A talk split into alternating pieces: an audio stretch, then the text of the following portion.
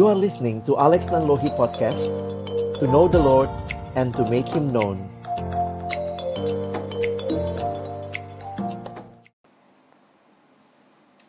Mari Bapak Ibu yang dikasihi Tuhan Sama-sama kita berdoa sebelum kita membaca merenungkan firman Tuhan. Kita berdoa. Biarlah pujian yang kami nyanyikan benar-benar menjadi keyakinan iman kami di tengah berbagai ketidakpastian yang terjadi di dalam hidup yang kami alami hari lepas hari. Kami belajar percaya bahwa Engkau Allah yang memimpin hidup kami, Engkau Allah yang setia, Engkau Bapa kami yang kekal. Engkau baik bagi kami. Malam hari ini kembali kami akan membuka firman-Mu, kami mohon ya Tuhan, Ketika kami membuka firman-Mu, bukalah juga hati kami. Jadikanlah hati kami seperti tanah yang baik. Supaya ketika benih firman Tuhan ditaburkan boleh sungguh-sungguh berakar, bertumbuh, dan juga berbuah nyata di dalam hidup kami. Berkati baik hambamu yang menyampaikan setiap kami yang mendengar dan juga diskusi di antara kami. Biarlah semakin menolong kami, bukan hanya menjadi pendengar-pendengar firman yang setia, tapi dengan kuasa dari rohmu yang kudus, kami dimampukan menjadi pelaku-pelaku firman-Mu di dalam hidup kami. Bersabdalah ya Tuhan, kami anak-anakmu sedia mendengarnya. Di dalam satu nama yang kudus, nama yang berkuasa, nama Tuhan kami Yesus Kristus. Kami menyerahkan pemberitaan firman-Mu. Amin. Shalom, Bapak Ibu yang dikasihi Tuhan, selamat malam. Saya bersyukur, terima kasih. Terima kasih untuk Pak Junpri untuk sambutannya yang hangat dan juga perkenalannya yang luar biasa. Saya jadi takut ini ya. Melihat bahwa kesempatan seperti ini jadi kesempatan yang indah tentunya bagi kita untuk boleh belajar kebenaran firman bersama. Dan teknologi yang Tuhan berikan, saya pikir juga harus kita syukuri di satu sisi bahwa di saat-saat kita sulit bertemu, tetapi bahkan melampaui apa yang mungkin biasa kita lakukan. Banyak orang yang punya akses yang begitu luar biasa saat ini kepada kebenaran firman Tuhan. Dan terima kasih untuk undangan yang disampaikan kepada saya melalui Pak Junpri dan juga semua pengurus. Kita akan sama-sama belajar kitab Habakuk dalam tiga kali pertemuan dan saya berharap ini bukan hanya menjadi satu pembelajaran untuk mengisi kognitif kita semata, tetapi benar-benar menjadi bagian yang kita hidupi sebagai umat yang beriman kepada Tuhan.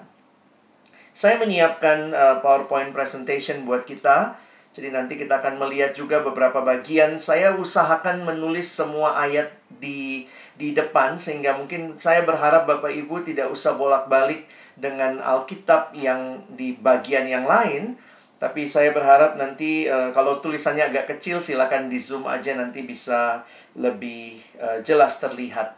Nah, kita akan melihat hari ini saya membaginya mungkin tidak persis pasal 1 hari ini pasal 2 minggu depan, tetapi hari ini sampai pasal 2 ayat 5 ya. Jadi kita akan melihat tema yang diberikan kepada kita berharap kepada yang pasti di tengah ketidakpastian. Menarik nanti untuk kita mempelajari seluruh kitab Habakuk. Saya harap ini menolong kita juga. Kalau Bapak Ibu sudah diminta untuk membaca terlebih dahulu, ini menolong kita bisa memahami lebih lanjut. Dan kalau ada hal-hal yang mungkin ingin kita diskusikan, saya persilakan nanti di waktu kita berdiskusi setelah kebenaran firman. Saya mulai dengan slide berikut, next. Di dalam Roma pasal yang ke-15 ayat yang keempat ada tulisan yang Paulus sampaikan sebab segala sesuatu yang ditulis dahulu. Nah, waktu Paulus menyatakan ini tentunya ini berkaitan dengan firman Tuhan di perjanjian lama, termasuk kitab Habakuk yang kita pelajari, dikatakan telah ditulis untuk menjadi pelajaran bagi kita. Supaya kita teguh berpegang pada pengharapan dan ketekunan dan oleh ketekunan dan penghiburan dari kitab suci. Saya sungguh berharap ketika kita mempelajari kebenaran firman yang mungkin orang berpikir loh itu ceritanya sudah lama, Pak. Tetapi kembali Tuhan menyegarkan kita, memberikan kepada kita pengharapan, penghiburan dari kitab suci. Kita akan membaca Habakuk pasal yang pertama, ayat yang pertama sampai dengan pasal yang kedua, ayatnya yang kelima. Mari kita melihat bagian ini. Saya akan bacakan bagi kita, Bapak Ibu bisa ikuti di screen yang ada di hadapan Bapak Ibu sekalian. Ucapan ilahi dalam penglihatan Nabi Habakuk. Berapa lama lagi Tuhan aku berteriak tetapi tidak kau dengar. Aku berseru kepadamu, penindasan, tetapi tidak kau tolong. Mengapa engkau memperlihatkan kepadaku kejahatan sehingga aku memandang kelaliman? Ya, aniaya dan kekerasan ada di depan mataku, perbantahan dan pertikaian terjadi.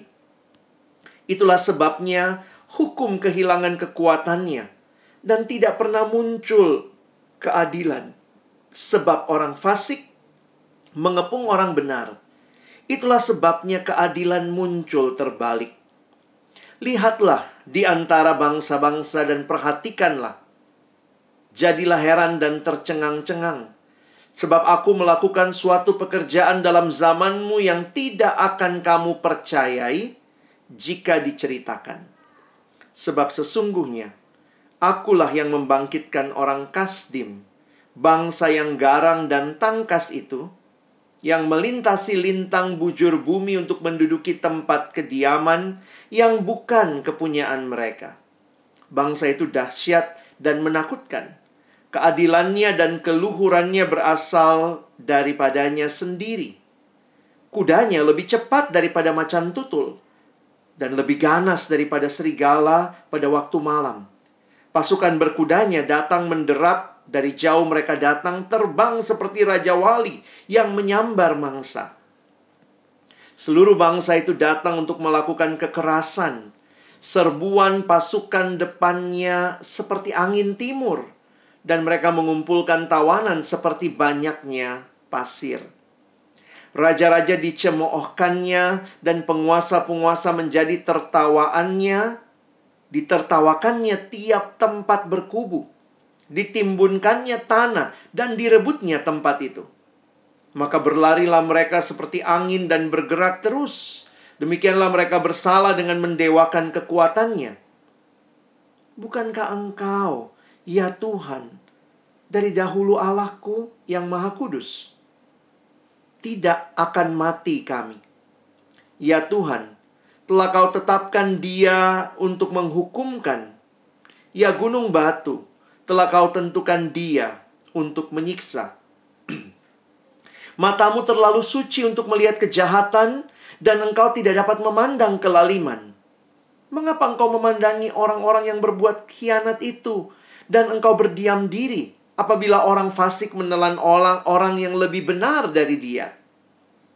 Engkau menjadikan manusia itu seperti ikan di laut, seperti binatang-binatang melata yang tidak ada pemerintahnya, Semuanya mereka ditariknya ke atas dengan kail, ditangkap dengan pukatnya, dan dikumpulkan dengan payangnya. Itulah sebabnya ia bersukaria dan bersorak-sorai. Itulah sebabnya dipersembahkannya korban untuk pukatnya dan dibakarnya korban untuk payangnya. Sebab oleh karena alat-alat itu pendapatannya mewah dan rezekinya berlimpah-limpah. Sebab itukah ia selalu menghunus pedangnya dan membunuh bangsa-bangsa dengan tidak kenal belas kasihan? Aku mau berdi, berdiri di tempat pengian, pengintaianku dan berdiri tegak di menara. Aku mau meninjau dan menantikan apa yang akan difirmankannya kepadaku dan apa yang akan dijawabnya atas pengaduanku. Lalu Tuhan menjawab aku demikian. Tuliskanlah penglihatan itu dan ukirkanlah itu pada loh-loh supaya orang sambil lalu dapat membacanya. Sebab penglihatan itu masih menanti saatnya. Tetapi ia bersegera menuju kesudahannya dengan tidak menipu. Apabila berlambat-lambat nantikanlah itu. Sebab itu sesungguh-sungguh akan datang dan tidak akan bertangguh. Sesungguhnya orang dapat orang yang membusungkan dada tidak lurus hatinya. Tetapi orang yang benar itu akan hidup oleh percayanya. Orang sombong dan khianat, dia yang melagak, tetapi ia tidak akan tetap ada. Ia mengangakan mulutnya seperti dunia orang mati dan tidak kenyang-kenyang seperti maut. Sehingga segala suku bangsa dikumpulkannya dan segala bangsa dihimpunkannya. Sedemikian jauh pembacaan firman Tuhan. Yang berbahagia adalah kita yang bukan hanya membaca tapi juga merenungkan dan memberlakukannya dalam kehidupan kita. Saudara yang dikasihi Tuhan, kitab Habakuk ini menarik ya. Karena di dalam kitab Habakuk berbeda dengan kitab-kitab nabi lainnya. Kalau Bapak Ibu membaca, sebentar ya, nanti slide-nya setelah saya bilang next, baru kita next ya. Jadi kalau kita membaca kitab Habakuk, ini agak berbeda dengan kitab yang lain dalam kitab nabi-nabi. Karena biasanya isi dari kitab nabi itu adalah apa yang Tuhan nyatakan melalui nabi kepada umat. Tetapi Habakuk ini berbeda sekali. Habakuk adalah catatan percakapan sang nabi dengan Allahnya. Jadi kalau Bapak Ibu memperhatikan ini kita seperti lagi uh, lagi lagi baca um, diary-nya Habakuk. Kita seperti lagi membaca apa yang Habakuk sedang tuliskan dalam dialognya dengan Allah. Karena itu nanti kita mesti memperhatikan ada bagian dialog yang terjadi di mana Habakuk menyampaikan sesuatu, lalu kemudian Allah menjawabnya. Jadi ini yang menarik dari kitab Habakuk dibanding kitab nabi-nabi yang lain. Sekali lagi kitab nabi yang lain biasanya nabi menjadi orang yang menyampaikan pesan ilahi kepada umat. Tetapi Habakuk kitabnya bicara tentang catatan percakapan Habakuk dengan Allah. Nah, nama Habakuk next slide adalah as, uh, artinya unik juga arti namanya ya. Mungkin ini kayak orang ya kayak banyak orang lah ya atau orang Batak ya yang namanya semua punya arti ya. Jadi orang Yahudi atau orang Israel juga seperti itu. Ini entah yang yang Batak yang ikut Yahudi atau yang Yahudi ikut yang Batak ya. Nah, Habakuk itu artinya jarang ya kita dengar ada orang namanya Habakuk atau dikasih nama anaknya Habakuk itu artinya to embrace, to wrestle, jadi bergumul begitu ya.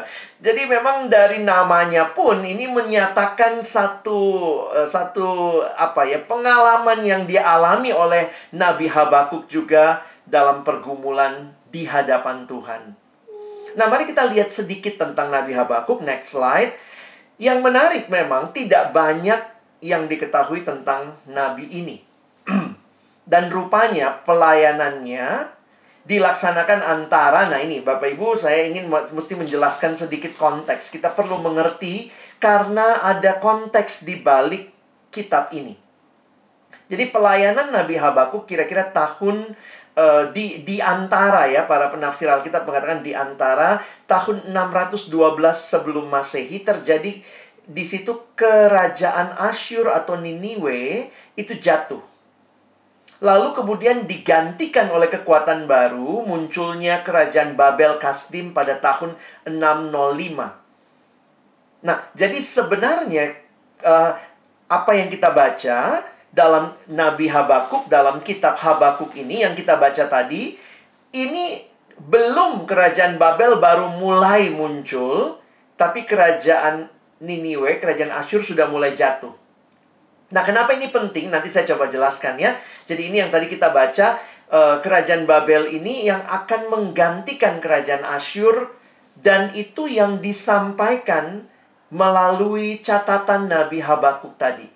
Khususnya pasal 2 yang nanti uh, yang tadi uh, Bapak Ibu bisa lihat kembali bahwa penglihatan itu kata Habakuk masih menanti saatnya. Jadi ini mulai risingnya kerajaan Babel. Nah, suaranya Nabi Habakuk bergema melawan ketidakadilan atau korupsi sosial yang terjadi sesudah kematian Raja Yosia pada tahun 609 sebelum Masehi. Nah, biar kita nggak bingung, saya ingin menjelaskan sedikit situasi politik pada waktu itu. Jadi, Bapak Ibu mesti memperhatikan waktu membaca kitab nabi-nabi, perlu sekali kita mengerti sedikit tentang raja-raja. Karena apa? Karena pada masa itu, kalau kita ingat raja itu kan kalau kita baca raja ini tambah jahat, tambah jahat, tambah jahat begitu. Sampai akhirnya Tuhan menghukum Israel. Nah, kita lihat petanya sebentar. Next slide. Saya ingin jelaskan pertama-tama ada satu kerajaan. Next dulu yang pertama. Bapak Ibu perhatikan yang saya lingkari ini, ini adalah kerajaan Yehuda. Kerajaannya umat Allah, kerajaan Yehuda yang waktu itu dipimpin oleh Raja Yosia dan kemudian Yosia meninggal dunia. Kenapa menarik tentang Raja Yosia? Kalau eh, Bapak Ibu membaca di dalam kitab Tawarikh, kita melihat Tawarikh 2 Tawarikh pasal 34 35, kita melihat bagaimana seorang yang bernama Raja Yosia Tuhan bangkitkan melakukan reformasi. Dan yang menarik ketika Yosia melakukan reformasi, umat Allah kembali kepada Allah, mereka membaca lagi kitab Taurat, mereka melakukan Paskah dan ini yang terjadi di masa Yosia. Tapi kalau kita baca, yang melanjutkan atau anak Yosia yang melanjutkan pemerintahan Yosia, Raja Yoyakim adalah raja yang jahat. Jadi memang kita melihat ya, kalau keturunan mungkin bapaknya baik, anaknya belum tentu begitu ya. Kita tetap perlu setiap generasi kenal Tuhan sungguh-sungguh. Yosia luar biasa menjadi raja yang melakukan reformasi di Israel. Dia berbeda dengan raja-raja sebelumnya, tetapi ternyata anaknya tidak melanjutkan ini. Jadi Bapak Ibu bisa memperhatikan, akhirnya memang Tuhan menghukum Israel. Tuhan menghukum Yehuda ya dalam hal ini kerajaan Yehuda karena mereka makin lama makin jahat dan bayangkan kalau pemimpin yang jahat raja yang jahat memerintah maka pasti yang terjadi adalah ketidakbenaran, ketidakadilan dan korbannya adalah rakyat. Nah, yang menarik ada dua kerajaan lagi. Kita lihat yang berikutnya next. Bapak Ibu perhatikan bisa dibesarkan nanti sendiri, bisa di zoom. Bapak Ibu perhatikan yang kedua ini adalah kerajaan Asyur. Jadi ada kerajaan Yehuda, ibu kotanya Yerusalem, itu kerajaannya umat Allah. Lalu ada kerajaan Asyur pada waktu itu, itu yang besar itu ya. Kerajaan Asyur waktu itu dengan ibu kotanya Niniwe, kerajaan Asyur itu yang waktu itu sedang menguasai dunia. Karena itu kalau kita belajar dalam sejarah, termasuk di dalam Alkitab, kerajaan Asyur inilah yang menaklukkan kerajaan Israel di utara. Israel kan terbagi dua ya, kerajaan utara namanya kerajaan Israel dan ada kerajaan selatan namanya kerajaan Yehuda. Nah, waktu itu kerajaan Yehuda masih ada nih ya. Tapi kerajaan Israel di utara sudah takluk kepada Asyur. Dikalahkan oleh Asyur.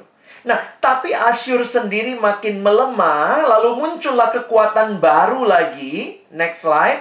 Nah, Bapak Ibu lihat lagi nih. Inilah kerajaan ketiga, yaitu kerajaan Babel. Nah, jadi ini ceritanya begini ya. Kerajaan Babel ini akan menggantikan kerajaan Asyur yang sudah semakin melemah. Pada waktu itu kan Asyur yang menguasai dunia, tetapi kemudian makin melemah lalu ditaklukkanlah oleh Babel dan kerajaan Babel ini yang kemudian akhirnya menguasai dunia dan termasuk mengalahkan pada akhirnya kerajaan Yehuda akhirnya masih ingat cerita seperti Daniel dibawa ke pembuangan. Nah, tapi itu masih nanti. Jadi ini sebenarnya cerita sebelumnya, ya. Jadi sebelum itu terjadi. Nah, coba kita lihat next slide untuk kita coba mengerti kondisi ini. Habakuk mengetahui bahwa kerajaan Yehuda dengan cepat mengalami kemerosotan. Sejak kematian Raja Yosia pada tahun 609 sebelum Masehi, reformasi agama yang pernah terjadi telah dilupakan dan anaknya Yosia yang bernama Yoyakim sebagai penggantinya membawa bangsa Yehuda lebih dekat dengan bencana. Inilah ngerinya kalau punya pemimpin yang lalim. Nah, Bapak Ibu, apa konteks yang terjadi? Ketika kerajaan Yehuda makin merosot tadi, maka yang saya katakan ya, bahwa orang pun makin mengalami ketidakbenaran, ketidakadilan terjadi di dalam kerajaan Yehuda, terjadi di tengah-tengah umat Allah. Jadi walaupun mereka umat Allah, tapi karena pemimpinnya tidak taat kepada Allah, yang terjadi adalah mereka satu sama lain saling melakukan ketidakbenaran. Karena itu, sekarang kita perhatikan Next slide. Ini kira-kira strukturnya kitab Habakuk. Bapak Ibu bisa perhatikan ya. Jadi ternyata dalam situasi kerajaan Yehuda yang waktu itu makin merosot, makin terjadi ketidakbenaran, ketidakadilan, datanglah Habakuk meratap kepada Tuhan. Ini ada dua dialog. Dialog yang pertama itu yang kita lihat di pasal pertama ayat 2 sampai ayat 11. Jadi, yang pertama adalah ayat 2 sampai 4 itulah keluhannya Habakuk kepada Allah. Dia nanya, "Tuhan mana ini?" Ya.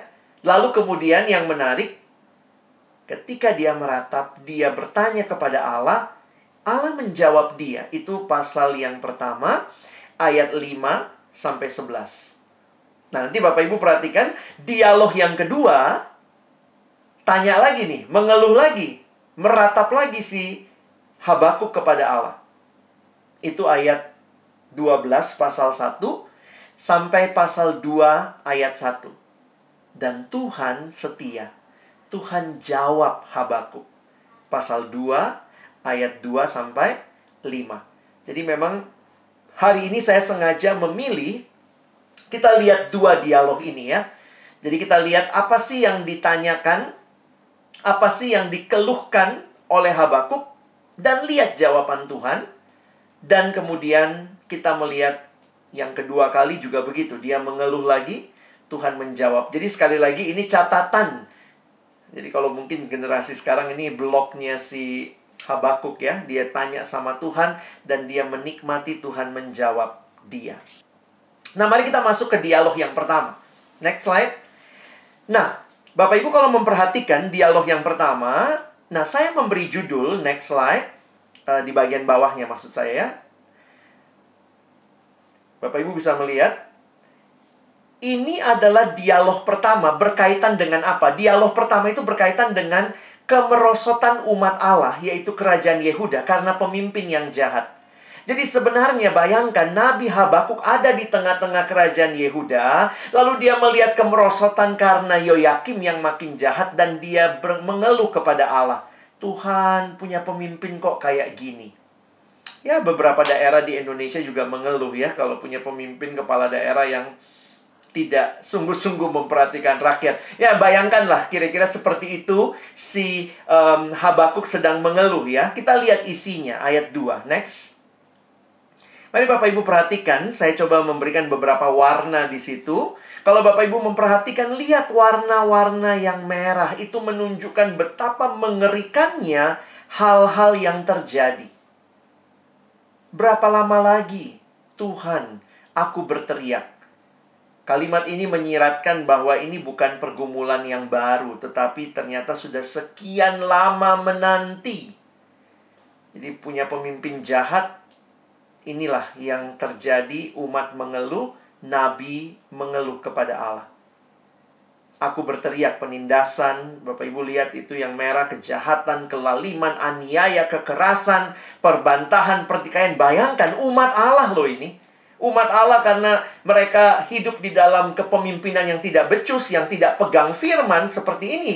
Hidup pemimpin dan ini menular ke rakyat. Kalau pemimpinnya lalim, rakyatnya lebih lagi. Makanya perhatikan ayat 4. Gambaran yang diberikan adalah itulah sebabnya hukum kehilangan kekuatannya.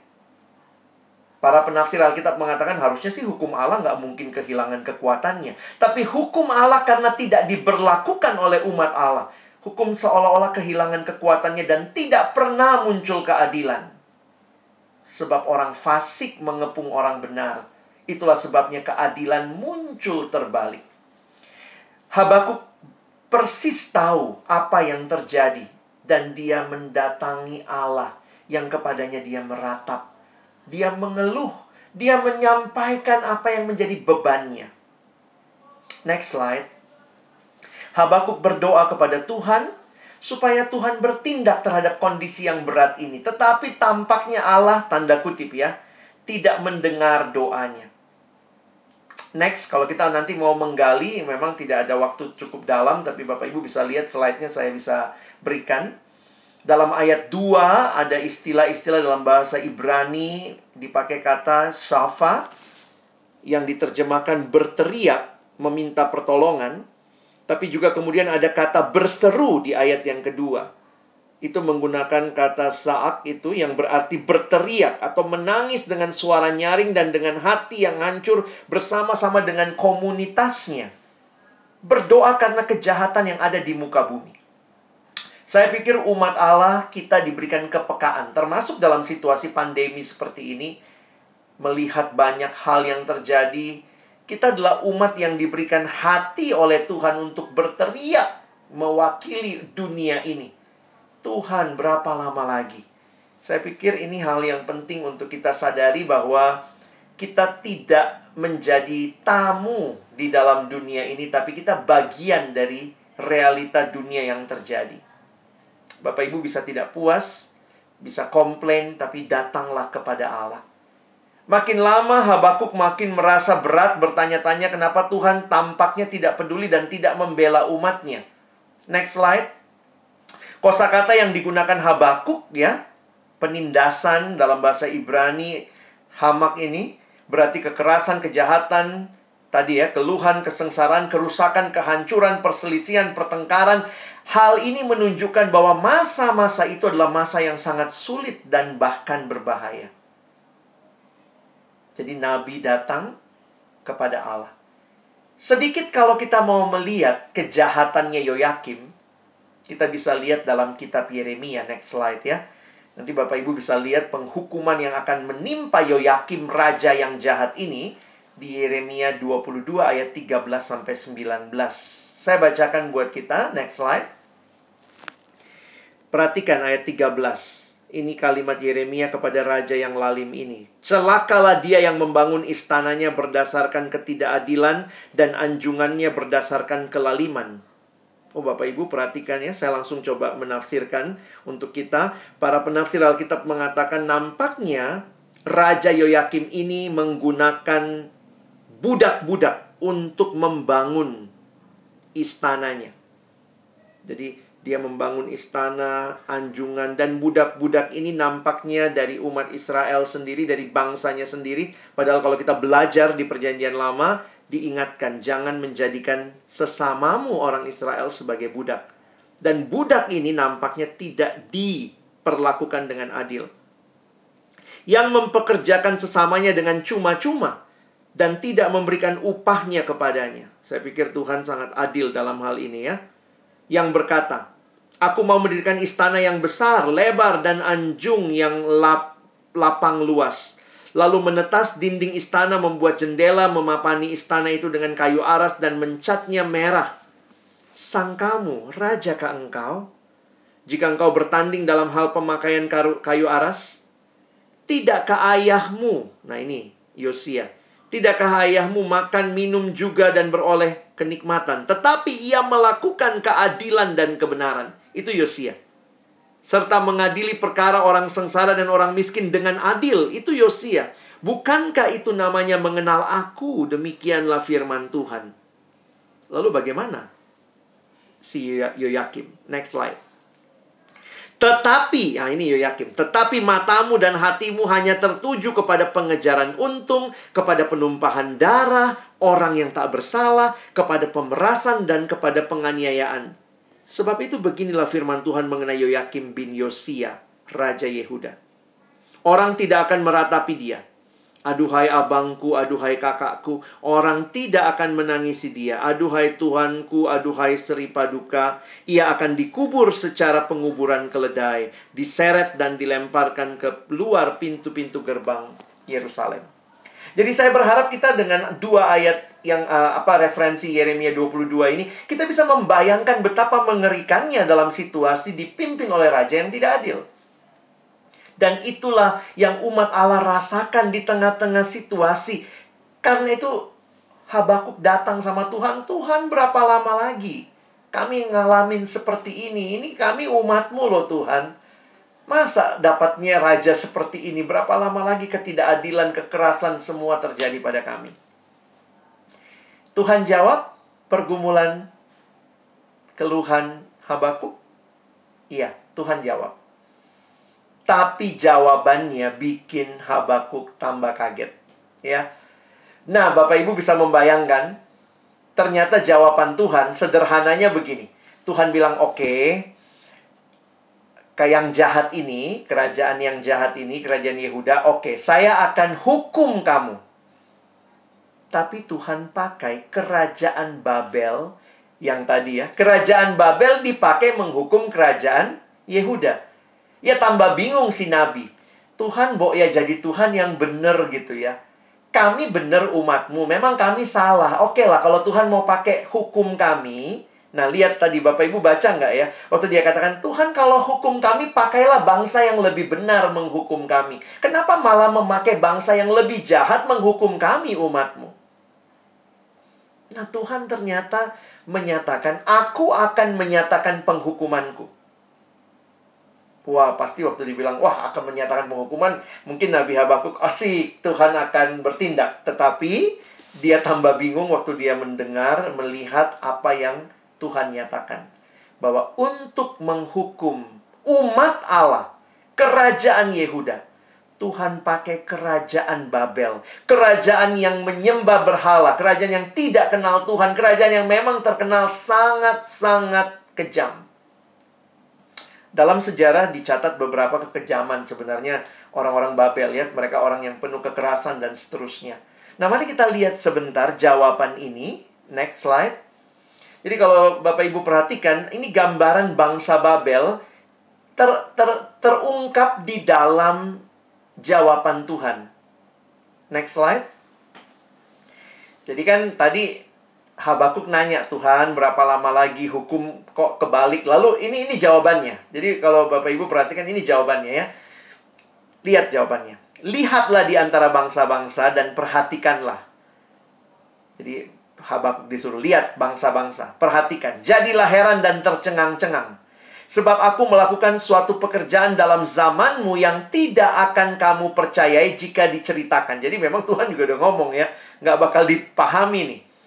Sebab sesungguhnya akulah yang membangkitkan orang Kasdim. Orang Kasdim sama dengan orang Babel. Jadi nama lainnya Babel, Kasdim. Sebab sesungguhnya akulah yang membangkitkan orang Kasdim, bangsa yang garang dan tangkas itu. Ngeri ya. Ini bangsanya garang tapi tangkas gitu ya. Yang melintasi lintang bujur bumi untuk menduduki tempat kediaman yang bukan kepunyaan mereka. Jadi lihat, mereka ini kerajaan yang invasi ya menduduki yang bukan kepunyaan mereka.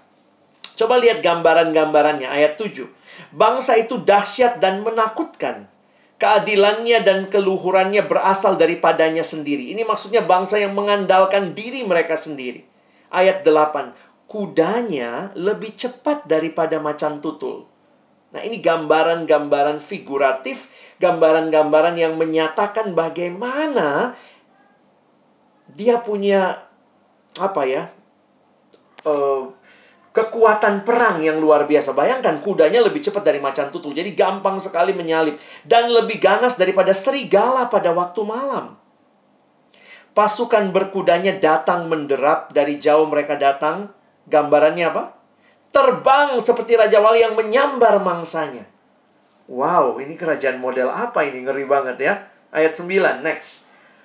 Seluruh bangsa itu datang untuk melakukan kekerasan. Seluruh bangsa loh. Ini gambaran kengerian Babel. Serbuan pasukan depannya seperti angin timur.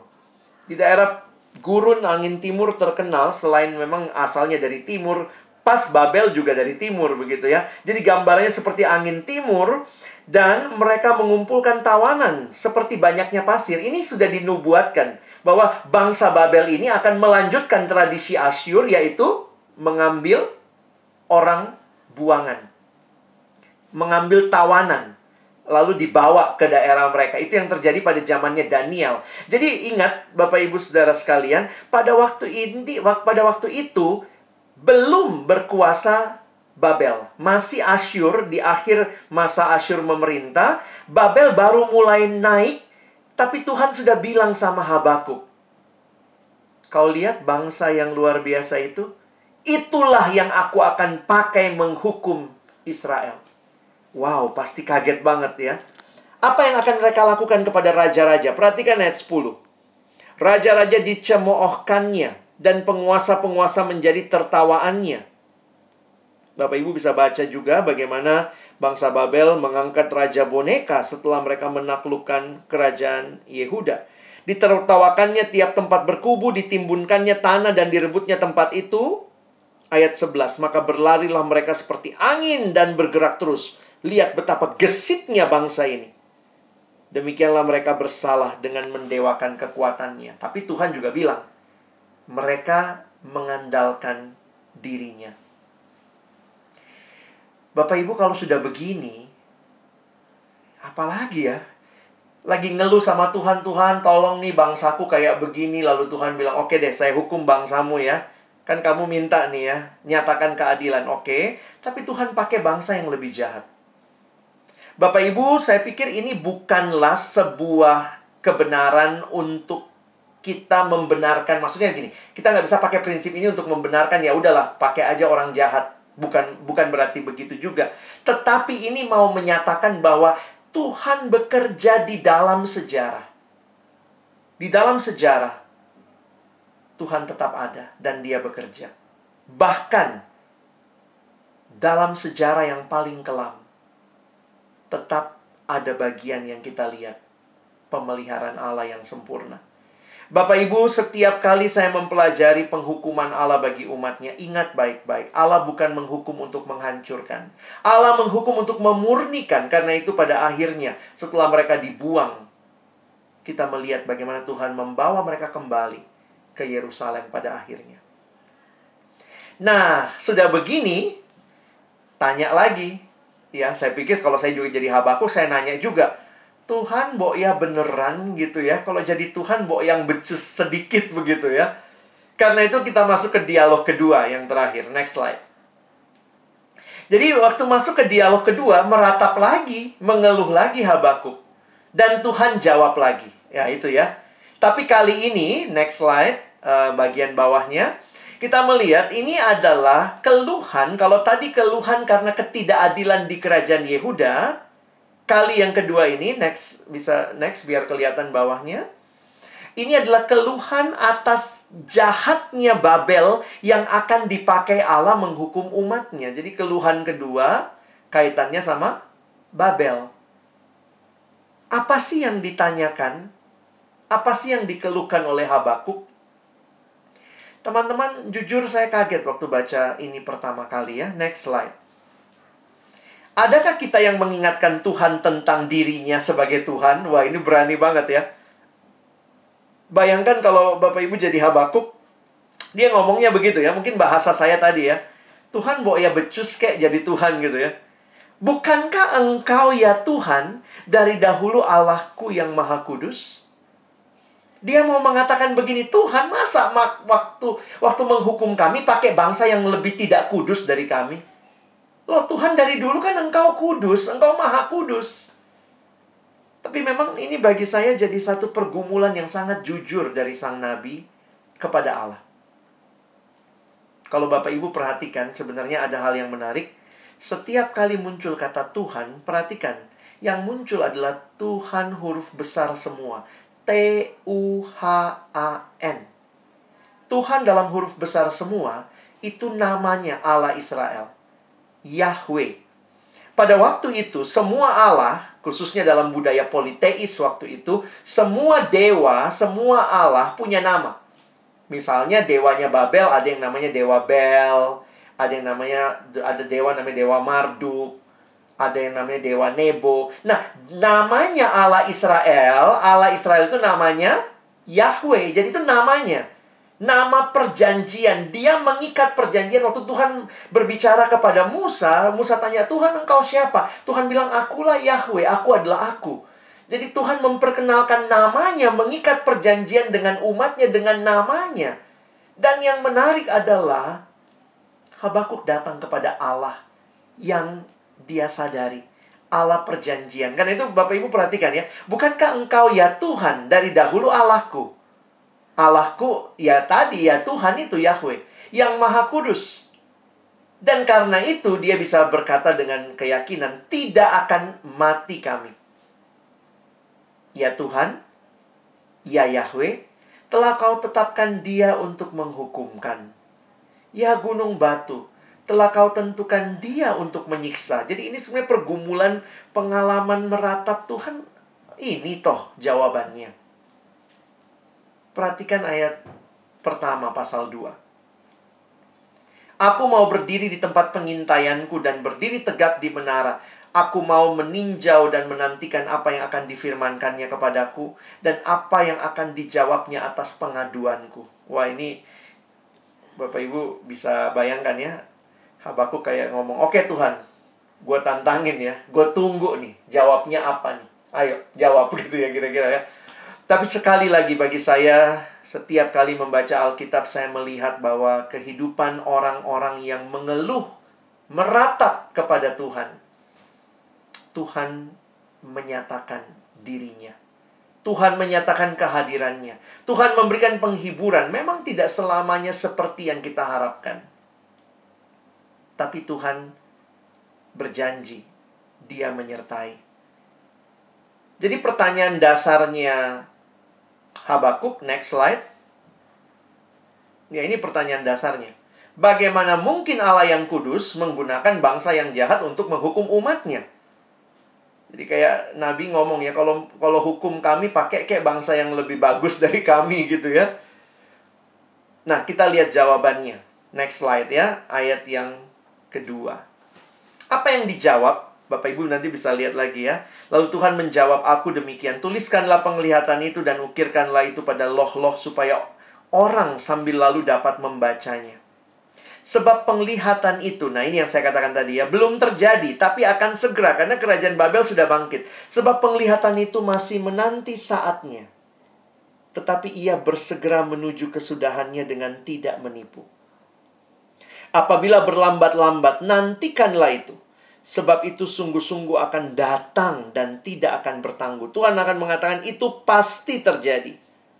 Tapi di dalam kepastian hal itu terjadi, perhatikan ayat 4. Sesungguhnya orang yang membusungkan dada tidak lurus hatinya. Tetapi orang yang benar itu akan hidup oleh percayanya. Wah, ini line yang saya khusus buat warna merah ya. Bapak Ibu, kita tidak dijanjikan hidup tanpa pergumulan. Kadang-kadang kita juga lihat gitu ya, kayak udah jatuh ketimpa tangga lagi. Tuhan kok saya di disolimi orang kayak begini lagi gitu ya. Tetapi orang benar itu akan hidup oleh percayanya. Kalau Bapak Ibu perhatikan ayat yang keempat ini, bagian A, sesungguhnya orang yang membusukkan dada tidak lurus hatinya. Tuhan tetap adil. Dia pasti menghukum orang yang jahat. Ayat 5 menyatakan itu. Kan mungkin Israel nanya, Tuhan kalau engkau pakai Babel hukum kami, enak banget tuh Babel. Udah jahat, dipakai hukum kami. Tetapi Tuhan menjawab kepada Israel, tenang. Kau pikir Babel nggak akan dihukum? Tuhan bilang, aku akan hukum mereka. Mereka sombong, aku tetap akan hukum mereka. Tapi aku pakai dulu mereka hukum kamu. Kira-kira begitu ya. Makanya perhatikan ayat yang kelima.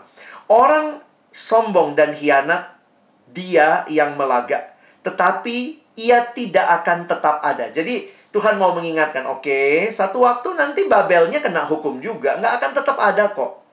Dan ia menganggarkan mulutnya seperti dunia orang mati dan tidak kenyang-kenyang seperti maut. Bayangkan ya, mengangakan mulut kayak dunia orang mati, tidak kenyang-kenyang seperti maut. Jadi terus mau menelan begitu ya. Ini mau menggambarkan Allah pasti adil dan Allah akan mendatangkan penghukumannya pada waktunya. Sehingga segala suku bangsa dikumpulkannya dan segala bangsa dihimpunkannya. Habakuk bertanya. Tuhan jawab. Habakuk bingung, Tuhan kenapa demikian? Dan mungkin Habakuk belum bisa mengerti sepenuhnya. Tapi Tuhan menjelaskan. Dia memakai Babel, tetapi bukan berarti Babel tidak dihukum. Karena Babel jahat, dia pasti tetap akan dihukum. Dan di sinilah kita melihat apa yang menjadi bagian penting pergumulan orang beriman. Orang yang benar, orang yang beriman, orang yang percaya, dikatakan akan hidup oleh percayanya. Saya waktu merenungkan kalimat ini jadi berpikir begini ya. Sebenarnya jawaban Tuhan bagi Habakuk tidak menjawab detail apa yang Habakuk pengen tahu. Karena mungkin kalau Habakuk pengennya gini, Tuhan, ya udahlah pakai bangsa lain deh hukum kami, jangan pakai Babel. Tapi Tuhan bilang tetap aku akan pakai Babel. Tidak akan bertangguh, tidak akan berlambat-lambat, pasti terjadi. Tapi Tuhan bilang, orang benar itu akan hidup oleh percayanya. Seolah-olah Tuhan berkata begini kepada Habakuk, yang penting bukan kamu mengerti apa yang aku mau. Karena yang aku mau mungkin belum bisa kamu mengerti dengan pikiranmu yang terbatas. Tapi apakah engkau percaya kepadaku? Jadi sekali lagi, di tengah-tengah situasi yang terus berubah, Bapak Ibu, ini makin tidak pasti ya. Mungkin Bapak Ibu masih menikmati bisa bekerja, tapi banyak orang yang mungkin kehilangan pekerjaan, terdampak. Ini bukan cuma masalah kesehatan, tentang corona, tapi sekarang sudah jadi masalah ekonomi, masalah sosial, masalah politik, masalah keamanan. Dan kita mungkin bingung, Tuhan gimana ini? Bagaimana semua ini yang harus kita jelaskan? Tuhan kita minta kepadanya. Tapi Tuhan berkata percaya. Percaya itu apa? Aku tetap memegang kendali atas segala sesuatu. Jadi apa bukti hidup beriman? Saya kutip kalimat berikut, next slide. Kalimatnya menarik. The evidence of faith is not when we are silent about our doubts. Uh, jadi bukti dari iman itu bukanlah ketika kita uh, tidak punya lagi keraguan karena atau kita mendiamkan keraguan kita. Tetapi ketika kita percaya kita yakin kepada Allah. Jadi ini yang pasti. Situasinya bisa tidak pasti, keraguan akan selalu muncul, tetapi kita percaya kepada Allah yang baik, Allah yang berkarya. Makanya kalimat selanjutnya mengatakan Habakuk still struggled with God's way. Dia nggak ngerti kenapa Tuhan pakai cara ini. But he knew that ultimately God would do what was right. Seringkali kita mencurigai Allah. Kenapa? Karena kita sejak Taman Eden, kalau Bapak Ibu perhatikan ya, dosa manusia sejak Taman Eden polanya sama. Selalu mau jadi Allah. Makanya seorang pendeta mengatakan kejatuhan manusia di Taman Eden itu manusia jatuh ke atas karena mau jadi Allah gitu ya. Kalimatnya untuk gampang diingat gitu. Manusia bukan jatuh menjadi yang lain, maunya mau jadi Allah. Manusia mau menyamai Allah. Termasuk di dalam kehidupan seperti saat ini, sering kali kita mencurigai Allah. Kita pikir, Tuhan kok nggak becus jadi Tuhan? Kayaknya kalau saya yang jadi Tuhan lebih bagus deh. Kalau saya yang jadi Tuhan akan begini nih ceritanya. Nggak ada corona, asik dah gitu ya. Tapi apakah kita tetap percaya? Orang yang percaya Salah satu yang sulit dalam hidup orang percaya. Unik ya, kita disebut orang percaya. Bahasa Inggris pun menyebut kita believer. But one of the most difficult things for us to do is to believe.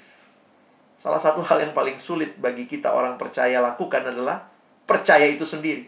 Percaya bahwa yang Tuhan lakukan baik. Bahwa Tuhan Allah yang tidak sedang membuat kita terjebak. Dia tidak sedang menjebak kita. Dia sedang mengasihi kita. Walaupun jalanmu tak terselami. Ada pujian yang mengatakan begitu ya.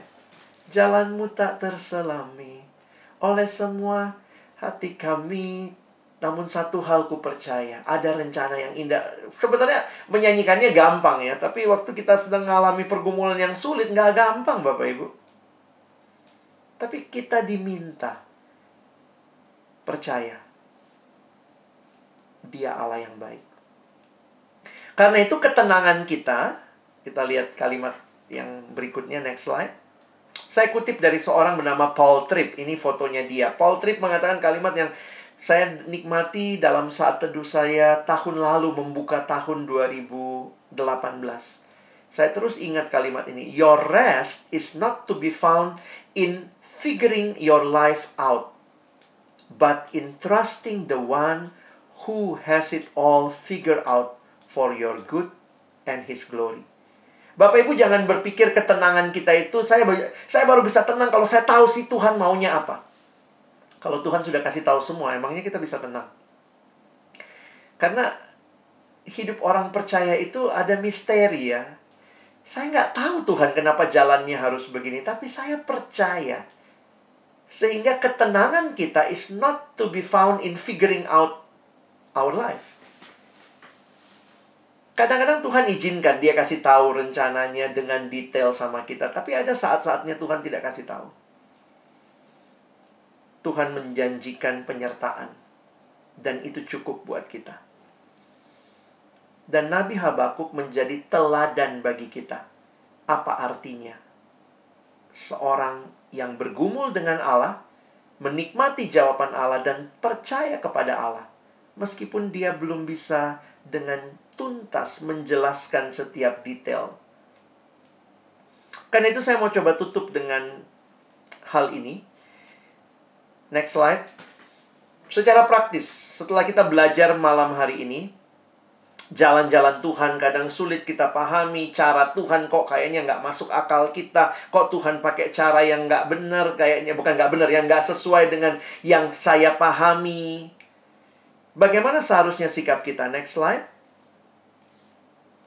Saya coba melihat bahwa kita coba lihat dua hal ya saya kutip dulu Mazmur 56.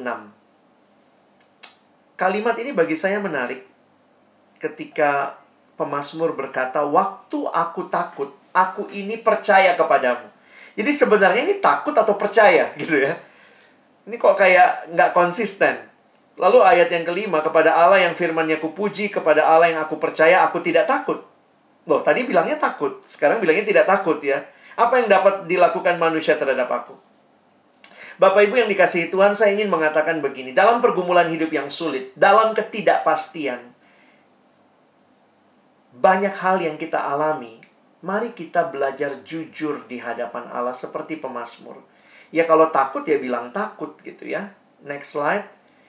Sikap yang pertama yang perlu kita pelajari dalam situasi-situasi hidup yang tidak pasti. Be honest with God. Jujurlah tapi jujurnya jangan ke medsos, jangan curhat ke mana-mana, ya. Tapi curhatnya di hadapan Tuhan lah.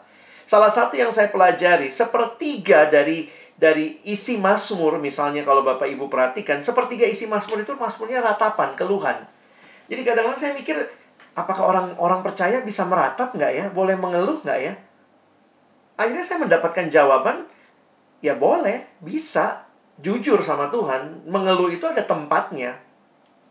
Bahkan dalam Alkitab kita ada kitab ratapan, berarti Tuhan jujur sama perasaan kita. Tuhan mau kita dengan jujur menyatakan, makanya dia katakan curahkanlah isi hatimu di hadapanku. Tapi yang jadi masalah adalah sering kali orang tidak datang sama Tuhan waktu mengeluh. Datangnya kepada yang lain. Tuhan mau waktu engkau mengeluh, datanglah kepadaku, sampaikan ratapanmu kepadaku, sehingga proses itu akan menolong kita dikuatkan untuk melihat kepada hal yang tidak berubah, yaitu Tuhan sendiri. Jadi jangan cuma be honest, tapi be honestnya ke Tuhan gitu ya. Jangan be honest hanya kepada sesama begitu ya. Saya tetap yakin lah Tuhan pakai sesama, tetapi belajarlah be honest with God. Makanya yang menarik kalau kita perhatikan di Alkitab, Mazmur-Mazmur keluhan itu semua isinya tuh jelek-jelek banget emosinya. Tuhan aku marah, Tuhan kenapa musuhku begini kepadaku. Tapi dia datang kepada pribadi yang tepat, yaitu Tuhan. Demikian juga Habakuk. Waktu dia tidak percaya, dia tidak mengerti jalanmu tidak terselami Tuhan. Tapi dia tetap datang sama Tuhan. Dan di situlah akhirnya yang kedua, next slide. Dia mendapatkan ketenangan karena dia pun belajar percaya. Jadi gimana ya, dua hal ini bukan dipertentangkan dalam kekristenan. Saya tetap melihat ketika kita mengalami pergumulan yang dalam, belajarlah menyatakan di hadapan Tuhan, Tuhan saya nggak ngerti, Tuhan saya sedih. Ketika ada mungkin orang yang kita kasihi meninggal, waktu corona seperti ini kan ini bukan situasi yang nyaman gitu ya. Kadang-kadang orang Kristen suka diajarin, pokoknya bilang nggak ada pergumulan, tidak ada pergumulan. Loh, jelas-jelas ini pergumulan. Mari jujur dengan Tuhan. Saya pikir orang Kristen mesti belajar meratap belajar meratap, tapi meratapnya kepada Tuhan. Dan dalam meratap itu kita meyakini kembali, iya ya Tuhan, saya memang sedih banget. Memang begitu banyak orang yang terdampak, tapi Tuhan Engkau ada. Engkau hadir. Dan Engkau cukup bagi kami. Dan keyakinan itu membuat kita dikuatkan lagi. Bukan mengeluh dan berakhir dengan keputusasaan. Tetapi mengeluh datang kepada pribadi yang benar dan menerima kekuatan di dalam Tuhan. Mari kita jujur dengan Tuhan seperti Habakuk. Dia berani tanda kutip ya. Berkeluh kesah kepada Allah. Kenapa? Karena dia tahu Allah menjawab dia. Ini Allah perjanjian, ini Bapakku. Bapak yang peduli dengan aku. Dan ketika aku datang kepadanya, aku nggak ngerti Tuhan. Aku cuma seperti anak kecil yang nggak bisa paham banyak hal. Tapi Tuhan, aku mau datang kepadamu. Dan menerima Tuhan mengatakan, orang benar akan hidup karena percayanya. Habakuk tidak mencurigai Allah, tapi dia datang kepada Allah dalam ketidakmengertiannya. Saya tutup dengan kalimat dari Charles Spurgeon. Next slide. Charles Spurgeon dalam salah satu tulisannya menuliskan kalimat ini dan setiap kali saya baca sangat menggetarkan hati. Khususnya buat saya juga yang dalam pergumulan hidup sering kali tanpa sadar mulai mencurigai Allah, mulai merasa Allah kayaknya jahat banget sama gua. Kayaknya Tuhan kenapa sih hidup gua nggak pernah berhenti ada pergumulan. Tapi ketika membaca kalimat ini saya pikir saya belum bisa memahami semua hal. Tetapi saya belajar percaya. God is too good to be unkind. God is too wise to be mistaken. And when you cannot trace his hand, you can trust his heart. Ini jadi lagu. Ini uh, kutipan ini menjadi salah satu lagu ya yang dinyanyikan juga dengan sangat indah. Kadang-kadang kita tidak bisa tahu kenapa harus seperti ini jalan hidupku. I cannot trace your hand in my life, but the one and only thing that give me peace, I always can trust your heart. Engkau Bapakku, aku anakmu. Bapak Ibu yang dikasihi Tuhan dalam pergumulan kita menghadapi banyak hal. Saya pikir corona ini menjadi bagian yang Tuhan pakai membentuk kita juga dalam berbagai cara ya. Tapi jangan berpikir corona lah satu-satunya masalah dalam hidup. Emang sebelum corona Bapak Ibu hidup nggak punya masalah? Pasti punya ya. Corona tambah masalah. Nanti corona udah selesai, ada hidup, ada masalah lagi nggak? Oh ada lagi gitu ya. Hidup itu kan ya serangkaian perjalanan yang di dalamnya ada pergumulan, tapi ada Tuhan dan itu menolong kita. Itulah indahnya hidup beriman. Percayalah, datanglah kepada Tuhan dalam pergumulanmu dan nikmati kekuatan daripada Dia. Kiranya firman Tuhan malam ini meneguhkan kita. Kita akan belajar lagi minggu depan lebih jauh bagaimana Tuhan terus menjawab, meyakinkan Nabi Habakuk akan kehadirannya. Amin.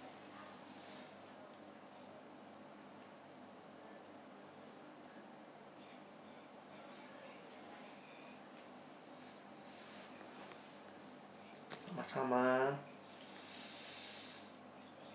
Boleh boleh. Silakan kalau mungkin ada hal yang perlu diperjelas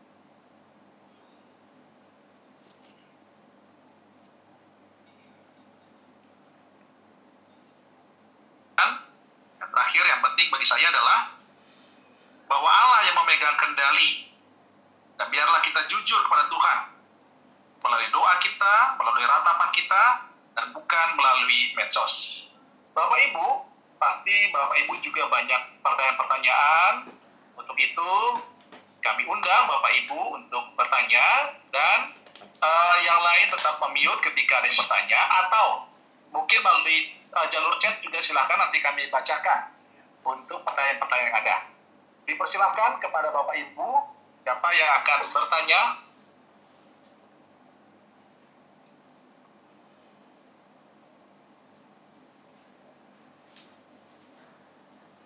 Belum ada nih atau masih merantau semua? Masih merantau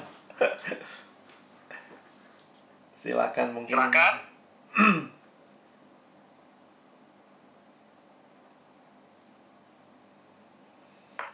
mungkin dari Pasihol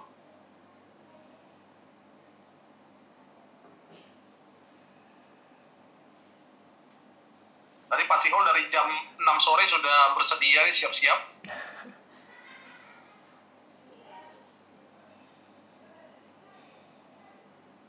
Atau dari Visifon, dipersilakan.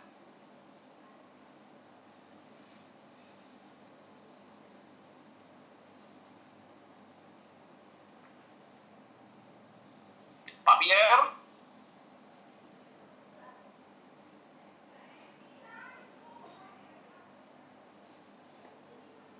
bagi saya adalah uh, terkadang kita ingin mengetahui sih apa sih uh, rencana Tuhan, apa sih uh, bahkan kita seolah-olah mencari yang namanya kehendak Tuhan dan lain-lain gitu. Bahkan ternyata tadi uh, disampaikan oleh Pak Pendeta bahwa tidak selamanya juga ketika kita tahu akhirnya kita tenang. Padahal kita mungkin lebih lebih ya lebih banyak ditarik ke dalam hal seperti itu. Untuk kita sepertinya lebih lebih bagaimana ya lebih dekat dengan Tuhan ketika kita tahu apa rencana Tuhan. Bagaimana? Um, ada banyak aspek yang saya lihat. Kadang-kadang Tuhan izinkan kita tahu.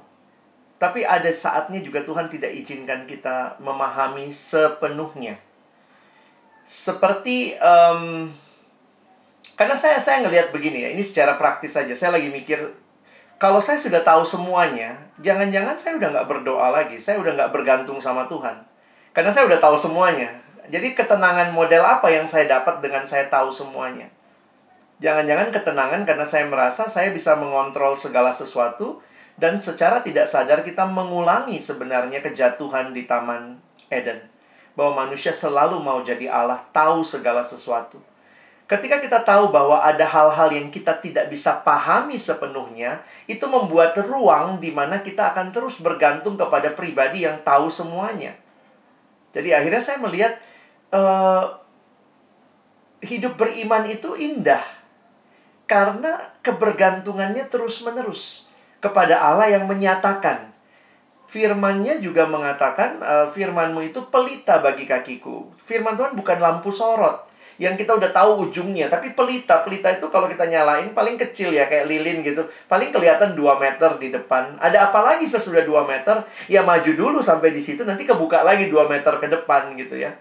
Saya kadang melihat hidup indahnya itu karena dipimpin langkah demi langkah dan setiap langkah itu adalah mujizat yang luar biasa yang kita nikmati dengan Tuhan. Jadi uh, saya harus katakan ada skalanya Tuhan izinkan menjelaskan kepada kita, tapi tidak selamanya. Kalau saya pakai kalimatnya begini ya, mungkin saya cerita satu pengalaman. Salah satu khotbah yang paling sulit yang saya khotbahkan sebenarnya beberapa tahun yang lalu ketika harus memimpin Natal di Palu setelah tsunami. Waktu itu kan tsunami, gempa bumi, likuifaksi dan e, kenapa saya katakan sulit? Bukan karena saya nggak tahu ayatnya, ayatnya dikasih ya tinggal persiapan gitu. Tapi benar-benar waktu itu saya bergumul ya karena waktu saya datang melayani saya dari Jakarta tidak ngalamin gempa, saya harus bicara kepada teman-teman dalam pesan Natal yang harusnya membawa sukacita. Tapi saya sudah sadar betul Tuhan nggak mudah begitu ya. Saya nggak ngalamin apa yang mereka alami. Bahkan saya juga tidak bisa memahami bahkan sampai hal yang dalam. Salah satu teman kami, teman pelayanan di sana, ada alumni yang meninggal dunia uh, waktu tsunami terjadi. Jadi waktu saya datang, saya tahu nih yang datang ini pengen juga mengetahui Tuhan kenapa sih ini terjadi. Waktu itu kan uh, terjadinya kira-kira Oktober akhir dan saya pimpin pas Natalnya itu awal awal Desember. Jadi kenapa saya katakan itu salah satu khotbah yang paling berat karena di situ saya harus bicara seolah-olah orang menunggu nih. Ayo, Pak Pendeta ngomong, kenapa Tuhan melakukan ini kepada kami? Bahkan satu teman kami meninggal dunia. Nah, yang bikin saya tambah shock waktu menjelang naik mau mau beritain firman biasa ya kan teman saya yang duduk di samping terus bilang gini, "Kak, Kak." Saya bilang, "Kenapa?" mamanya yang meninggal sama papanya datang loh ikut ibadah. Waduh, saya kaget gitu ya. Poin saya sebenarnya begini, aduh udah nggak usah dikasih tahu gitu ya. Tapi waktu dia kasih tahu seperti itu kayak Tuhan kayak kasih beban berarti kamu mesti ngomong sama orang tuanya karena memang jujur aja mamanya waktu itu masih belum bisa terima karena anaknya ini tersapu eh, kena tsunami ya. Jadi eh, teman saya ini meninggalnya dalam tsunami. Dan mamanya itu masih sering miss call ke nomor telepon anaknya. Dan memang waktu itu kayaknya belum keblokir gitu ya. Jadi masih miss call nada tunggu. Dan waktu dia bilang mamanya tuh kalau bengong tuh nelfon anaknya gitu. Dan saya harus bawakan firman. Waktu itu temanya Tuhan adalah uh, God is my refuge teman-teman saya bingung banget bapak ibu sekalian saya waktu itu berkata dalam pergumulan Tuhan apa sih yang apa yang Tuhan mau kenapa ini terjadi Nah akhirnya dalam pergumulan yang Tuhan berikan waktu saya berdiri, saya ingat sekali Tuhan kasih kalimat ini. Aku tidak pernah menjanjikan penjelasan tuntas atas semua pergumulan hidup. Bapak Ibu bisa cari ayatnya, saya nggak ketemu ayat yang mengatakan Tuhan memberikan penjelasan tuntas atas semua pergumulan hidup. Kadang-kadang Tuhan jelaskan. Kadang-kadang kita yang sok jadi Tuhan. Oh, pantas waktu itu saya begini karena begini. Oh, pantas. Jadi kita mulai jadi sok Tuhan lah ya, uh, connecting the dots gitu ya. Sometimes God answered. Kadang-kadang it's still a mystery. Tapi yang Tuhan janji kalau begitu apa? Yang Tuhan janji itu penyertaan. Jadi yang Tuhan janjikan adalah penyertaannya di dalam situasi hidup yang paling sulit. Tuhan tidak menjanjikan penjelasan tuntas atas semua pergumulan hidup yang sulit. Tapi yang dia janjikan adalah penjelasan kehadirannya yang pasti dalam pergumulan. Karena itu, kalau Tuhan nggak janji, ya nggak usah terlalu diklaim minta dalam nama Yesus. Tapi kalau yang Tuhan janji, itu yang kita minta. Itu yang kita klaim. Kira-kira begitu ya. Oke, terima kasih Pak Pendeta. Mungkin ada kita yang lain?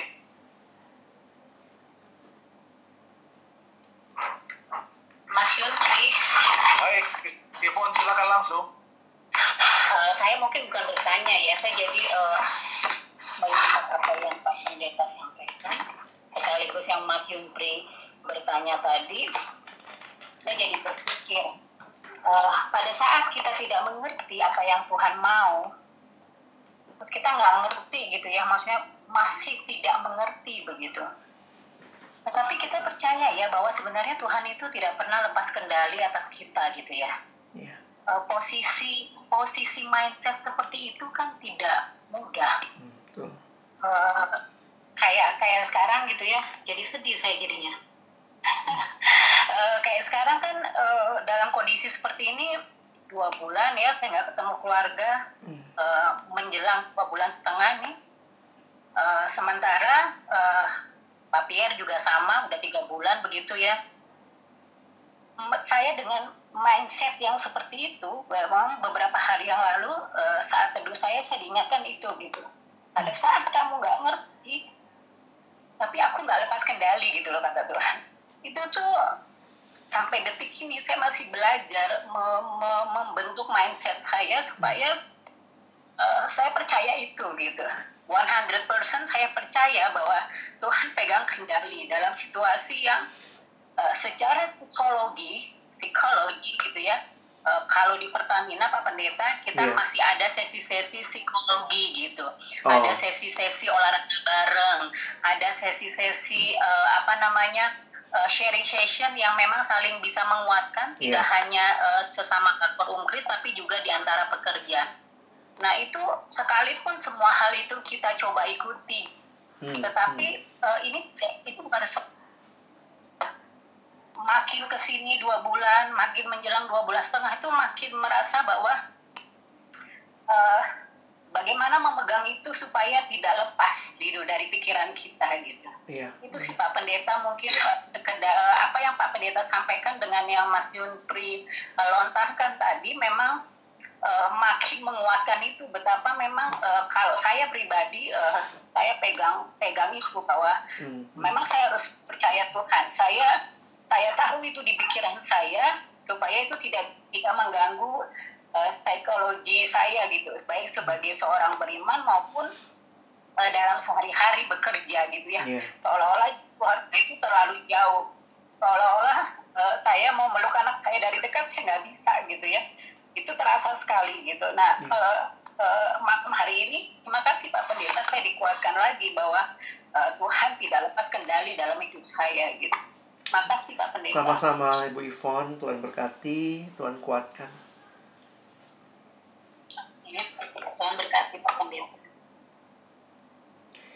Sedikit saya mau tambahkan mungkin ya, memang em, memiliki pikiran dan perasaan ini dua hal yang sering kali secara perasaan mungkin tetap meragukan, merasa ketidakhadiran kita begitu luar biasa, tapi pikiran kita harusnya terus ingat gitu. Dan bagaimana akhirnya bisa selaras, saya pikir itu proses hidup beriman. Sisi yang lain saya biasa memimpin di adik-adik anak-anak SMA kalau mereka ujian nasional biasa gitu ya. Waktu ujian nasional terus ada ada kebaktian gitu. Ini kebaktian persiapan ujian nasional kalau kalau mau ujian nasional aja kebaktian gitu ya. Jadi kemudian saya suka tanya sama mereka begini ya. Jadi ini ini pertanyaan yang juga mungkin coba kita refleksikan. Saya tanya sama mereka. Kalau kalian lulus ujian nasional, Tuhan baik, Wah, semua langsung jawab baik gitu ya. Kalau kalian tidak lulus ujian nasional, Tuhan baik nggak? Eh, be, de, gitu ya, langsung semua terbata-bata menjawab. Seringkali kita melabelkan Tuhan baik atau tidak baik berdasarkan pengalaman hidup kita. Kalau yang aku alami baik, oh ya dia jadi Tuhan yang baik. Tapi kalau aku lagi ngalamin begini, ini Tuhan nggak baik nih sama aku. Jadi, uh, thank you tadi Ibu Ivon men- men-sharingkan belajar percaya yang kita pegang adalah firman Tuhan, bukan perasaan kita. Walaupun perasaan kita merasa kayaknya kok kita mencurigai Tuhan begitu rupa, tapi biarlah firman menuntun kita mulai dari pikiran, perasaan. Memang Tuhan itu baik. Dan kebaikannya ketika kita belum bisa pahami, when you cannot trace his hands, trust his heart.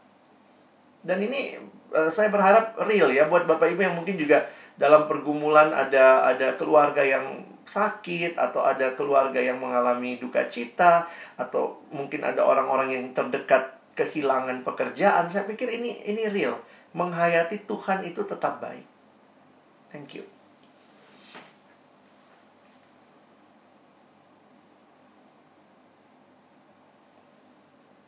Pak Pendeta saya bacakan ada satu eh, pertanyaan ya Iya, silakan, Pak. dari Pak Dasmin Munte. Iya. Pak Alex, boleh nggak diseringkan untuk mengetahui bahwa sesuatu yang kita capai ini adalah jawaban Tuhan? Misalnya, yang kita harapkan Tuhan jawab padahal tidak dengan serius bergumul dalam doa. Sedangkan teman yang lain bahkan untuk mencapai tujuannya sampai ada yang teguh berdoa sampai berpuasa. Tapi Tuhan tidak atau belum jawab. Terima kasih Pak. Wah, ini thank you Pak pertanyaannya ya. Em, sebenarnya gini, saya saya sih melihatnya dalam hidup beriman em, sering kali comparison itu belum tentu tepat. Karena comparison misalnya kita lihat, ih dia kok doa sungguh-sungguh nggak dapet, gue biasa-biasa aja kok dapet ya gitu ya, misalnya naik jabatan, promosi atau apa. Saya pikir comparison seperti itu seharusnya bukan menjadi hal yang, jadi jangan sampai comparison itu malah membuat kita tanpa sadar merasa bahwa Tuhan kayak lebih berpihak kepada kita dibanding kepada Dia.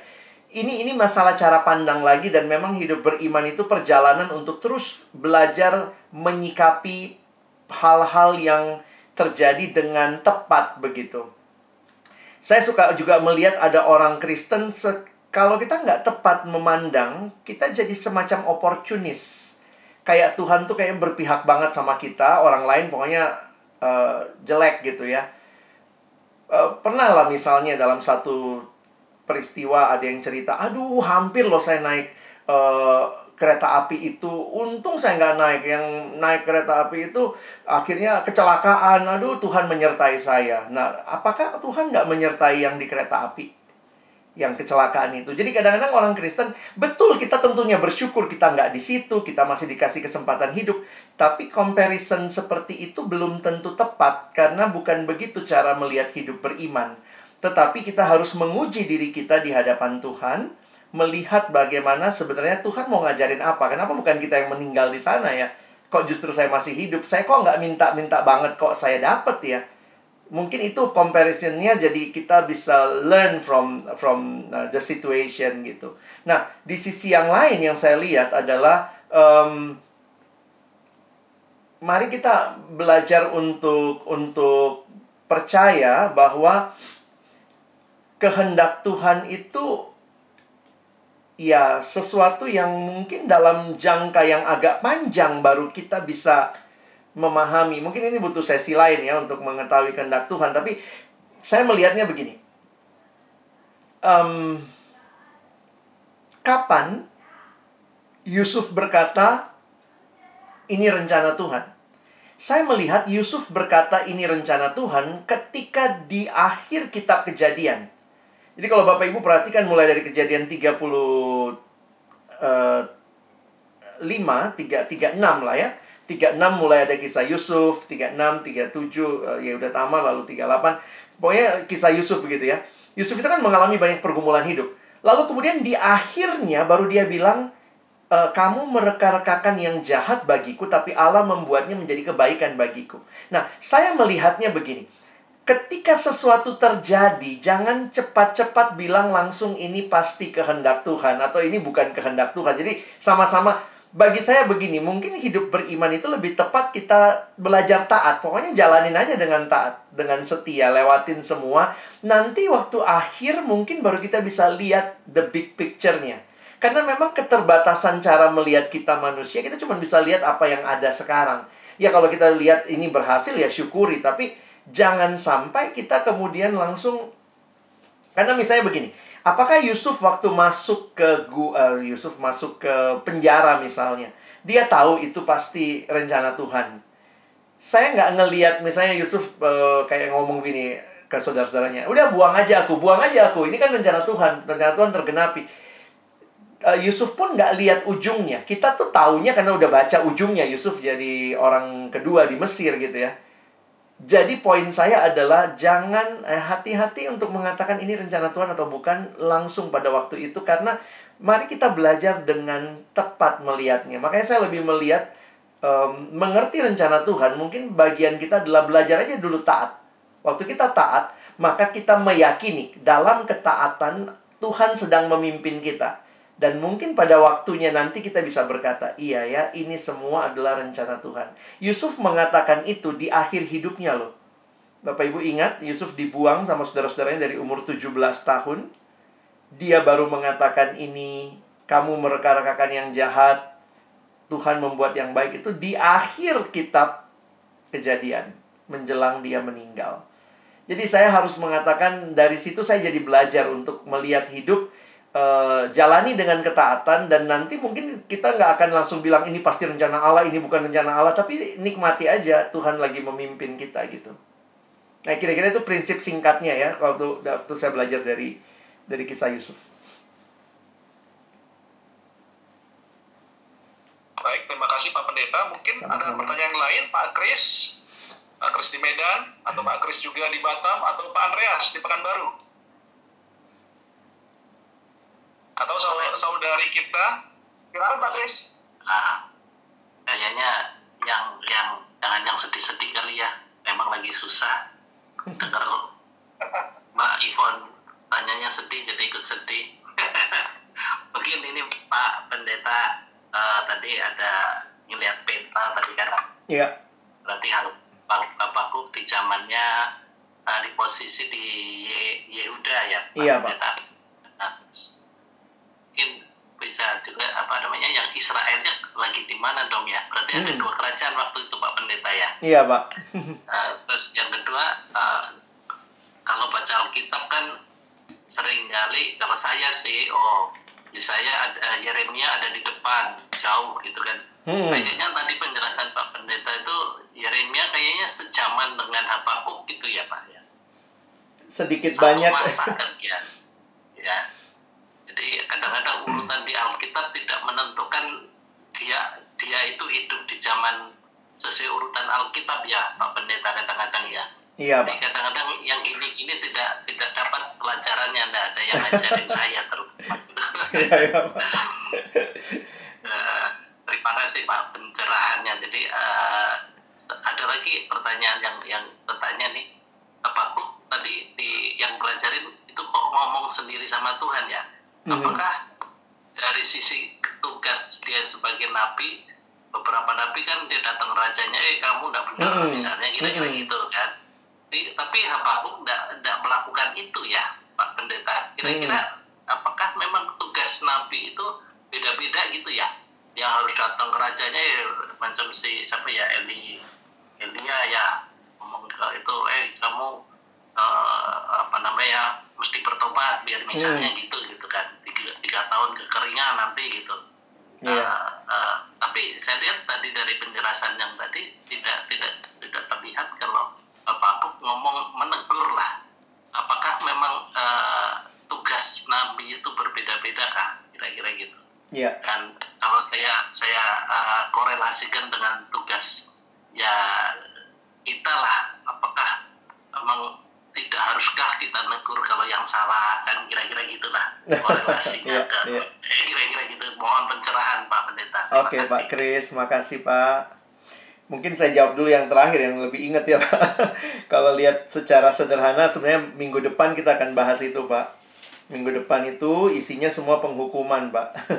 penghukuman, penghukuman. Jadi sebenarnya kalau kita perhatikan juga beberapa bagian dari kitab Habakuk meskipun ini adalah catatan pribadi, tetapi juga kalau kita perhatikan ternyata menjadi sesuatu yang dibaca oleh umat.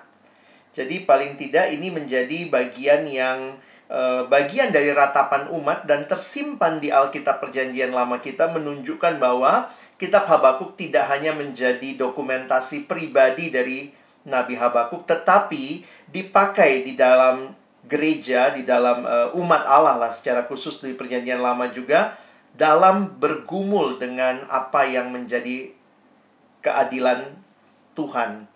Nah, nanti ada beberapa kata sebenarnya kalau uh, Bapak Ibu nanti bisa melihat bahwa ini juga menyatakan sesuatu yang komunal ya. Misalnya kayak kita perhatikan tadi di dalam ayat yang ke ayat yang ke-12 ini ini para penafsir juga mengatakan kalimatnya tidak tidak akan mati kami.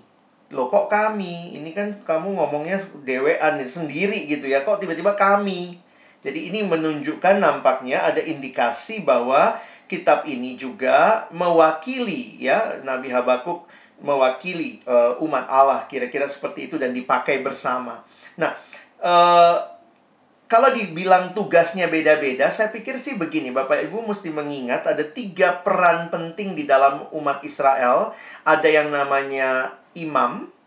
Imam itu bertugas di eh, bait Allah atau di kemah pertemuan. Imam itu harus dari keturunannya Harun atau orang Lewi maksud saya, imam besarnya harus dari keturunannya Harun. Nah, jadi imam ini bagian penting dalam umat Israel. Jadi setiap kali kepemimpinan Israel itu selalu ada tiga bagian ini. Biasanya ada yang namanya imam, eh, urusan keagamaan, ada yang namanya raja, urusan politik, dan ada yang namanya nabi. Nabi ini yang menyampaikan pesan ilahi. Jadi kalau kita perhatikan di dalam konteksnya semua imam ya bagiannya adalah mempersembahkan korban, tetapi juga nanti Bapak Ibu bisa perhatikan misalnya ada ada imam yang dipanggil jadi nabi misalnya. Saya lupa persis nabi siapa gitu ya, tapi dia dalam jabatan imam misalnya. Apa, Hosea atau siapa gitu ya. Nah, jadi uh, nabi itu menyatakan apa yang Allah uh, sampaikan kayak Bapak bilang tadi misalnya Elia begitu ya menyampaikan. Nah, walaupun Habakuk sekali lagi ini catatan pribadi tapi nampaknya ketika ada kata kami dan ini juga tersimpan begitu rupa nampaknya ini juga menjadi bagian secara khusus buat minggu depan adalah uh, penghukuman yang akan terjadi. Jadi uh, Nabi Habakuk mengingatkan penghukuman yang akan terjadi kepada bangsa Babel.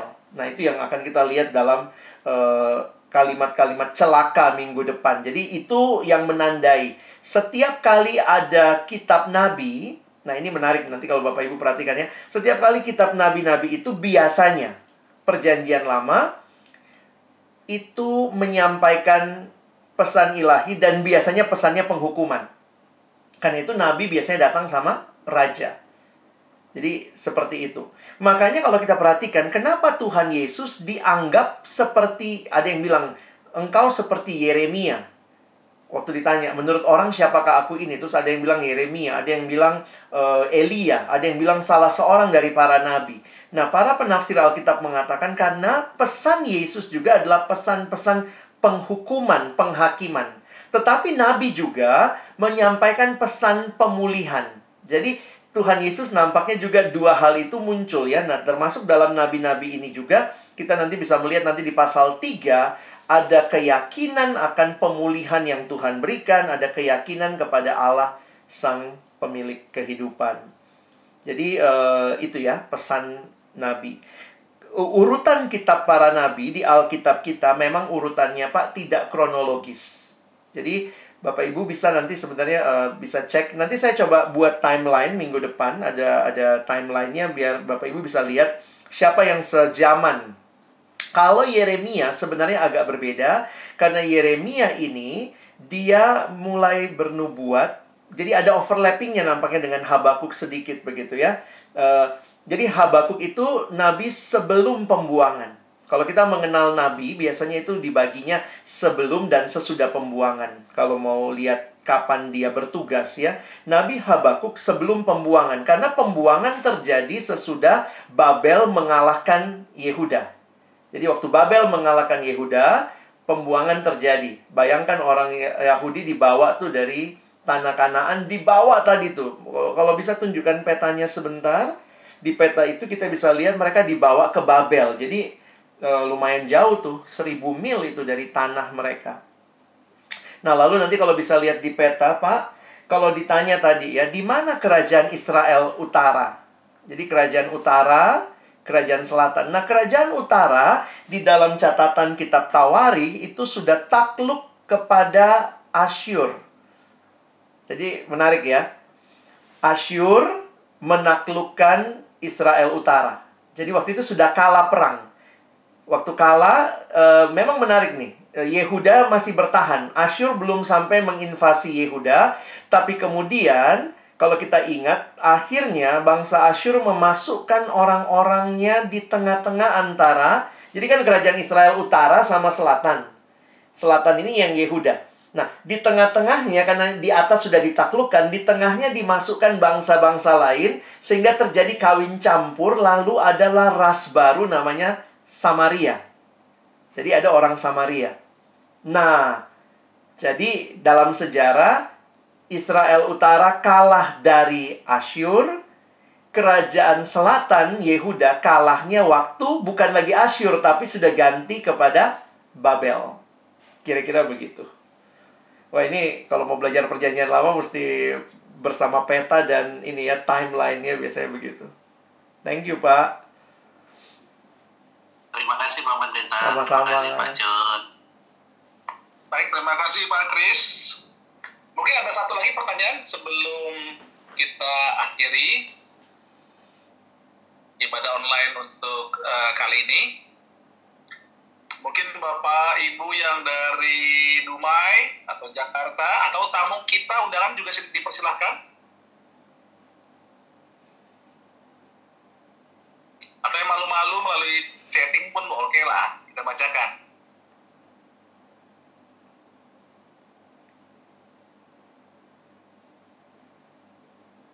Kak Agnes mana ya? Nggak ada suaranya ya?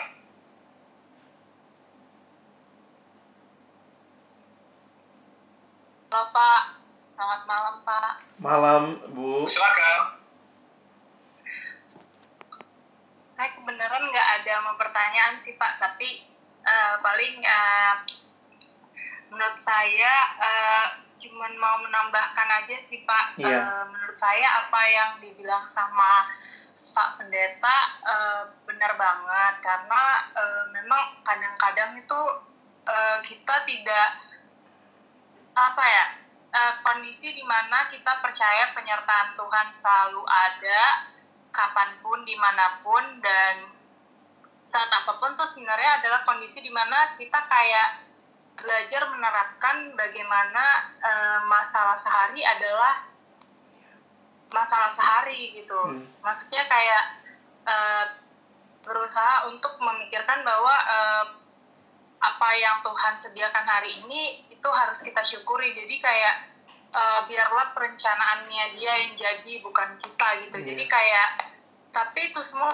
memang benar kayak kata Bu Ivan sih Pak. Kalau misalnya eh, nggak mudah gitu untuk sampai di titik itu dengan eh, mungkin kita lihat sekeliling terus kita lihat juga keberadaannya kita gitu dan permasalahan yang mungkin muncul ataupun mungkin nggak muncul gitu. Karena ketidakpastian itu sendiri yang akan selalu ada. Iya. tapi kembali lagi eh, kayak kata khotbah tadi ya Pak eh, menurut saya itu benar banget sih. Karena eh, jujur saya kadang-kadang mengalami juga sih.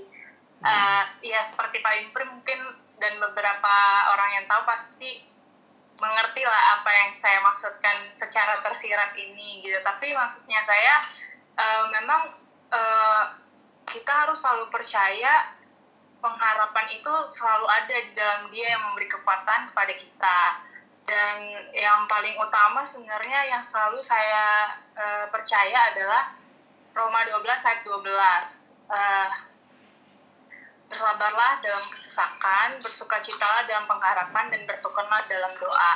Uh, karena kalau kita sebenarnya menerapkan Roma 12 ayat 12 dalam kehidupan kita, uh, sebenarnya kita berusaha untuk bagaimana sih dalam setiap kesesakan itu kita bisa selalu bersyukur dan bisa melihat uh, apa yang mau Tuhan rancangkan dalam kehidupan kita, sesesak apa pun, setidak pengharapan apa pun, tapi pasti ada satu cahaya yang Tuhan sudah sediakan gitu loh Pak. Eh, itu aja sih. Kalau saya sebenarnya nggak ada pertanyaan dan Iya. eh, paling cuman mau share itu aja sih Pak. Gitu Pak. Makasih, Bu. Terima kasih Pak. Tuhan berkati.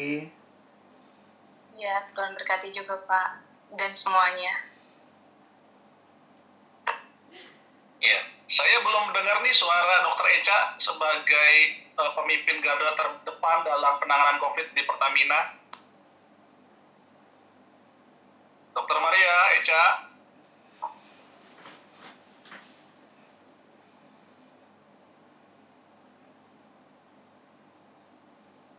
Mungkin bisa sharing tentang eh, beban dalam penanganan COVID ini.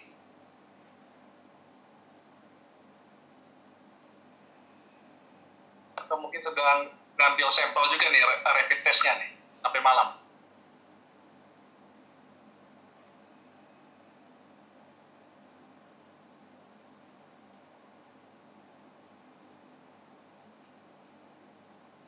Baik, Bapak Ibu, apakah ada yang lain? Sebelum kita tutup. Atau tamu kami yang lain undangan silakan Bapak Ibu. mungkin ya dokter juga yang bisa sharing bagaimana dalam kondisi saat ini. Terima kasih untuk Ini teman saya nih dari Jakarta nih. sebagai tamu dari Jakarta Halo. untuk Kak Alex. Terima Tuhan memberkati pelayanan Kak Alex, juga Pak Yunpri ya. Makasih Bu Tio. Next, kita masih ikut minggu depan. Kalau diizinkan.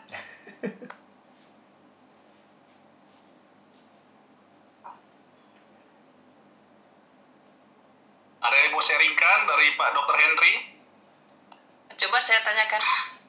Lagi batuk. Coba. Enggak ada, terima kasih. Oh, oke. Belum ada, Pak. Tuhan Baik, eh, kami berharap juga jika lo misalnya belum ada dan mungkin nanti malam ya sebelum tidur berdoa ada pertanyaan-pertanyaan, mungkin bisa di share ke kami dan eh, minggu depan sebelum mungkin renungan bisa kita sampaikan ke Pak Pendeta untuk jawab. Baik kita Bapak Ibu sekalian kita bersyukur untuk semua firman Tuhan dan juga untuk apa yang boleh kita bagikan, kita sharingkan biarlah itu untuk kemuliaan hormat dan juga kemuliaan bagi Tuhan. Kita akan menutup ibadah kita, kita bersyukur dan kita akan bernyanyi dari lagu yang terakhir dan setelah lagu kami undang Pak Pendeta untuk menutup dalam doa.